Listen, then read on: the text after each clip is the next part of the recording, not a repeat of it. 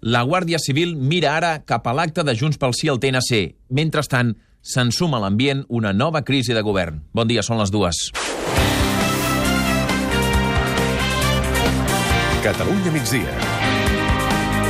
Amb Òscar Fernández.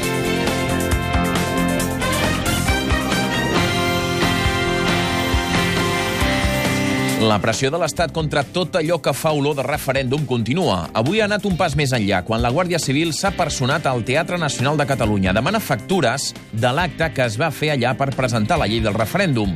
Volen saber si qui va llogar el teatre per fer aquell acte va ser el grup parlamentari de Junts pel Sí o el govern. Paral·lelament, s'intensifiquen els contactes del president Puigdemont amb els seus consellers del seu govern, uns moviments que fan pensar que hi pot haver canvis imminents en la composició d'aquest govern. Pendent de tot plegat ha estat donant al matí la Carme Clèries. Carme, bon dia. Hola, bon dia. Sí, moviments al despatx del president Puigdemont al Parlament durant tot el matí i hem vist passar el vicepresident Oriol Junqueras i els consellers Meritxell Borràs, Lluís Puig i Josep Rull. Tots tres consellers han confirmat que han parlat de la situació del govern. Tot plegat l'endemà que el president anunciés que vol fer una reorganització de funcions sobre el referèndum i que no tanqués la porta a nous canvis a l'executiu. I també sentirem l'extresorer del Partit Popular, Rosendo Naseiro. Té 82 anys i avui ha declarat a la comissió del Congrés que investiga el presumpte finançament il·legal del partit. Tot i que ha començat negant irregularitats, ha acabat reconeixent que Manuel Fraga rebia xecs als mítings. Madrid, Queta Carmany també ha admès que algunes delegacions provincials del PP podrien haver tingut comptabilitat en negre. Sí, ha donat per fet que algunes delegacions tenien caixes B i que hi havia actes amb xecs per enmig. A veces ibas a un meeting y te daban un talón, se lo daban a Fraga. Oh, ¿Pero qué tiene que ver eso? Naseiro ha posat nerviosos els diputats perquè o bé ho negava tot, o bé no se'n recordava de res, o bé es queixava perquè les preguntes eren massa llargues. Ara compareix Àngel Sanchís, que ha fet una defensa aferrissada de Manuel Fraga i ha explicat que al principi, quan era Aliança Popular, recollien diners d'empresaris en sopars informals perquè aleshores era legal. I avui, 13 de juliol, ha mort Joaquim Molins. Eva Comte, bon dia. Hola, Òscar, bon dia. L'exconseller i exdiputat de Convergència i Unió tenia 72 anys. A finals de l'any passat va dimitir de president del patronat de la Fundació del Gran Teatre del Liceu per motius de salut i fa tres mesos la Generalitat li va concedir la Creu de Sant Jordi. Per cert que tenim nou episodi del serial sobre l'exhumació del cadàver de Salvador Dalí. Avui el jutge ha ordenat que dijous de la setmana que ve, d'aquí a una setmana justa, es desenterri el cadàver del pintor empordanès i se n'extreguin mostres d'ADN. I ràpidament l'Ajuntament de Figueres ha recorregut l'ordre judicial perquè creu que és materialment impossible complir el calendari que dijous que bé es pugui fer aquesta extracció de mostres. Girona, Clara Jordan, bon dia. Bon dia. L'Ajuntament recorda al jutjat de Madrid que porta el cas que Dalí no està enterrat ni en un cementiri ni en un nínxol ordinari, que està en una cripta, que per obrir-la cal fer obres i que per fer obres calen diversos informes de les administracions, des de la municipal fins a l'estatal. Ara tothom pendent d'aquest recurs per evitar que dijous que bé es compleixi el requeriment en un espai que més visiten cada dia 4.000 persones.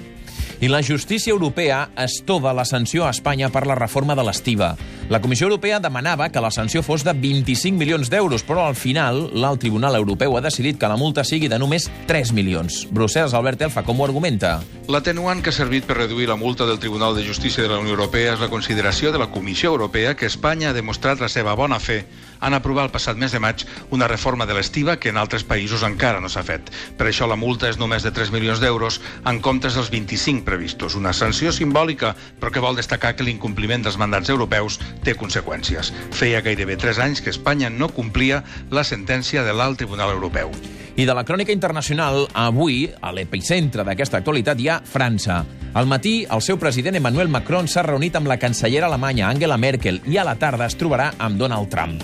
Avui, al Catalunya migdia, també sentirem el nou anunci del Servei Català de Trànsit per sensibilitzar sobre el nombre de morts que són tolerables a la carretera. I si fossin tres, què et semblaria? Al·lucinant. I si fossin aquests tres? Vols que li donem una abraçada al Tete? Qui són? El meu home i els dos fills. Quina creus que hauria de ser la xifra? Zero. Zero, zero. Tots tenim família. A la carretera, víctimes zero.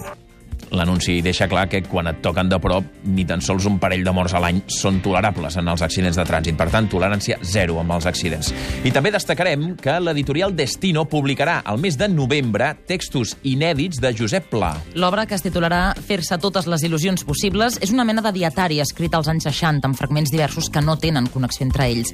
El volum tindrà 200 pàgines. L'anunci l'ha fet el director editorial de Grup 62, Emili Rosares. El que ha és el pla que podem trobar les notes disperses o que podem trobar al quadre gris. És a dir, el pla que observa la realitat catalana del moment, que fa alguna valoració històrica comparant-la al, al moment, el pla que fa retrats de gent que va, que va trobant i amb la qual eh, conviu. Els textos provenen de material propietat dels hereus de Josep Pla.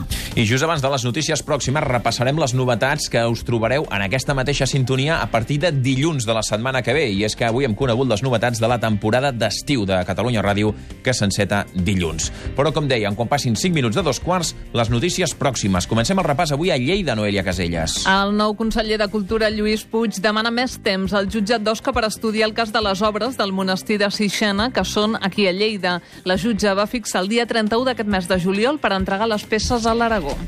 Seguim per Tarragona, Manel Sastre. L'alcalde de Tarragona, Josep Fèlix Ballesteros, creu que el tercer rail ferroviari és l'única oportunitat que li queda a la ciutat a curt termini per no perdre els trens de mitja i llarga distància. Ballesteros recorda que ara s'estan pagant les conseqüències de la nefasta decisió de situar l'estació d'alta velocitat a 15 quilòmetres. I seguim per Girona, Mar Vidal.